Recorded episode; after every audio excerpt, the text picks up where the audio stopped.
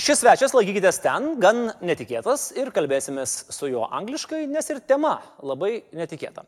Žmogus, kuris nei iš šio, nei iš to gyveno savo ramiai, Katalonijoje, vargo nematė ir nusprendė, kad būtų fantastiška idėja paimti ir nueiti Baltijos kelią nuo Talino iki Vilniaus pėsčiomis. Kodėl jis taip sugalvojo ir kokių nuotikių patyrė, netrukus ir sužinosime, ponios ir ponai, pasitikime plojimais. Baltijos kelio įveikėjas e, Jordi Arufat. Hello, Jordi. Labas. La- Labas. Labas visiems. Okay, so maybe I was too fast uh, saying that we're gonna speak in English. So you know some Lithuanian? Well, it's not as much as it seems. Okay, so you know- you know any bad words in Lithuanian? Oh, well, I know one, but they, someone told me it's Russian, so it's better if I don't say it right. Okay, but uh, why do you know Lithuanian? What's your problem? no, I don't have any problem. It's just that my wife is Lithuanian. That's your problem.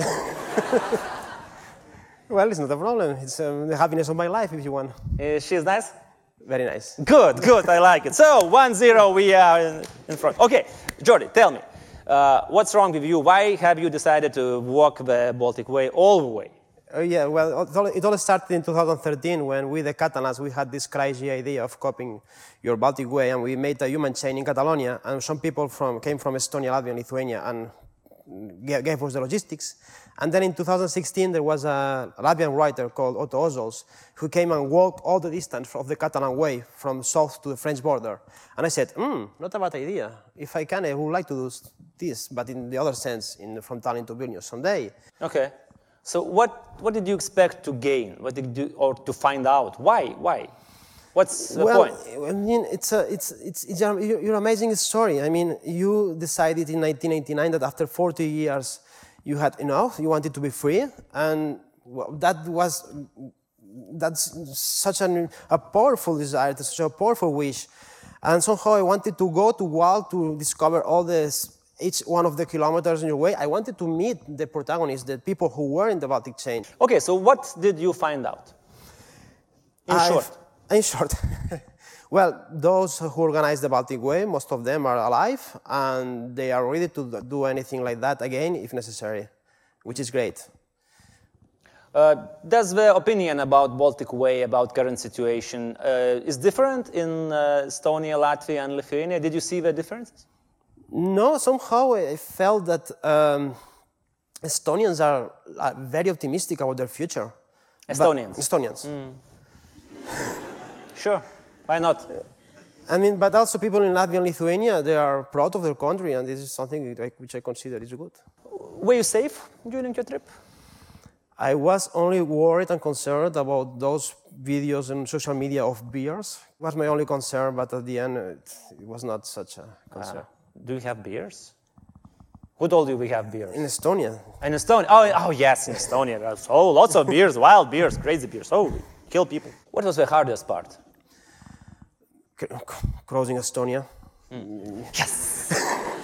Maybe it's, no, it's, it's, it's basically because it's so there are not many villages and towns there, so you, you had I had to organize logistically my trip to where to know where to sleep and all these kind of things. Uh, so mm, Lithuania and Latvia in this sense were easier. So yeah, but somehow I managed. How are your legs after uh, well, 600 kilometers? First days were very very hard, but once you get acclimated to that after the day 10 or something like that, it's uh, downhill. But somehow I really wanted to end this because it's too many days already, and you want to go back to your home. Also, I, have seen on your uh, Instagram feed that you managed to grab some of the basketball along the way. I think in Panevėžys, right? In Panevėžys and in Rapla, yeah. How was it? Uh, it was great. I mean, it was a very great show. I, I promise, uh, I've been in matches of the FC Barcelona basket team, and the ambience, the feelings in uh, places like uh, Cido Arena of Panevėžys are much spectacular than in Barcelona. Barcelona, we are good at football, but for basket, it's yours. That's clear. And we're also better than, than Barcelona in basketball. You know? Uh, this year, yes, but not previous years. Yeah, but this year is all that matters. okay, another funny picture of uh, that you have posted is that you have uh, the courage and resilience to try our national dish. Oh, the Zeppelin. Zeppelin, yes. Did you like it? No. A lot. Really? Yes, You- I mean, not if I had to eat that every day, but but it's uh, very good. I mean, it's uh, so big, and you only need one of those, and you're filled. How many have you ordered? Uh, two.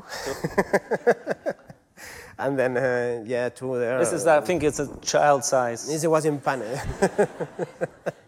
that was in Panevėžys, and I ordered another one. Ah, so child size, Yeah. definitely child size. As you can see, I've been talking with a businessman in Panevėžys, and also I met the Romuba in Panevėžys, which was really interesting, their view on things and how the state of things are. I'm planning to meet, uh, I have just met, uh, just to coming here, the one representative, uh, the president of the Lithuanian Gay League, Yeah. which was, I was very lucky because he was very busy preparing the Baltic Parade, parade uh, coming soon. Um, I am also meeting a Jewish community person, and I would also like to meet you. Great. So it's good that you, you spread around. So uh, finally, Jordi, what are your uh, final opinion and what are you going to tell your friends, your colleagues, your um, your patriotic friends when you are back in Catalonia? Well, I say that Lithuania is a great place that you have to go, that you have to discover your beautiful ezeras, lakes. Uh, it's much better than any of our beaches in Southern Europe, so full of people, with so many people. So this is a great place to be here in summertime. And that it, I, I will also tell them if you want to inspire yourself with someone, some people who decided wants to be free and they went for it, look at them. That's what I would say. Great, great. I think that's a, it was a great adventure. It was Great. Uh, thanks for, for, for coming to the show. Uh, give all the best regards to your wife. Say, uh, tu geriausia ir aš tavęs labai pasilgau. Tu geriausia ir aš tavęs labai pasilgau. That's a good word. Don't worry, it's not a Okay. swear word. Okay. Thank you very much for coming on the show. Ponios ir ponai, tai buvo Jordi Arufat, žmogus, kuris nuėjo Baltijos Ačiū. kelią. Jordi, thank you for coming to the show. Small uh, memento and thanks again.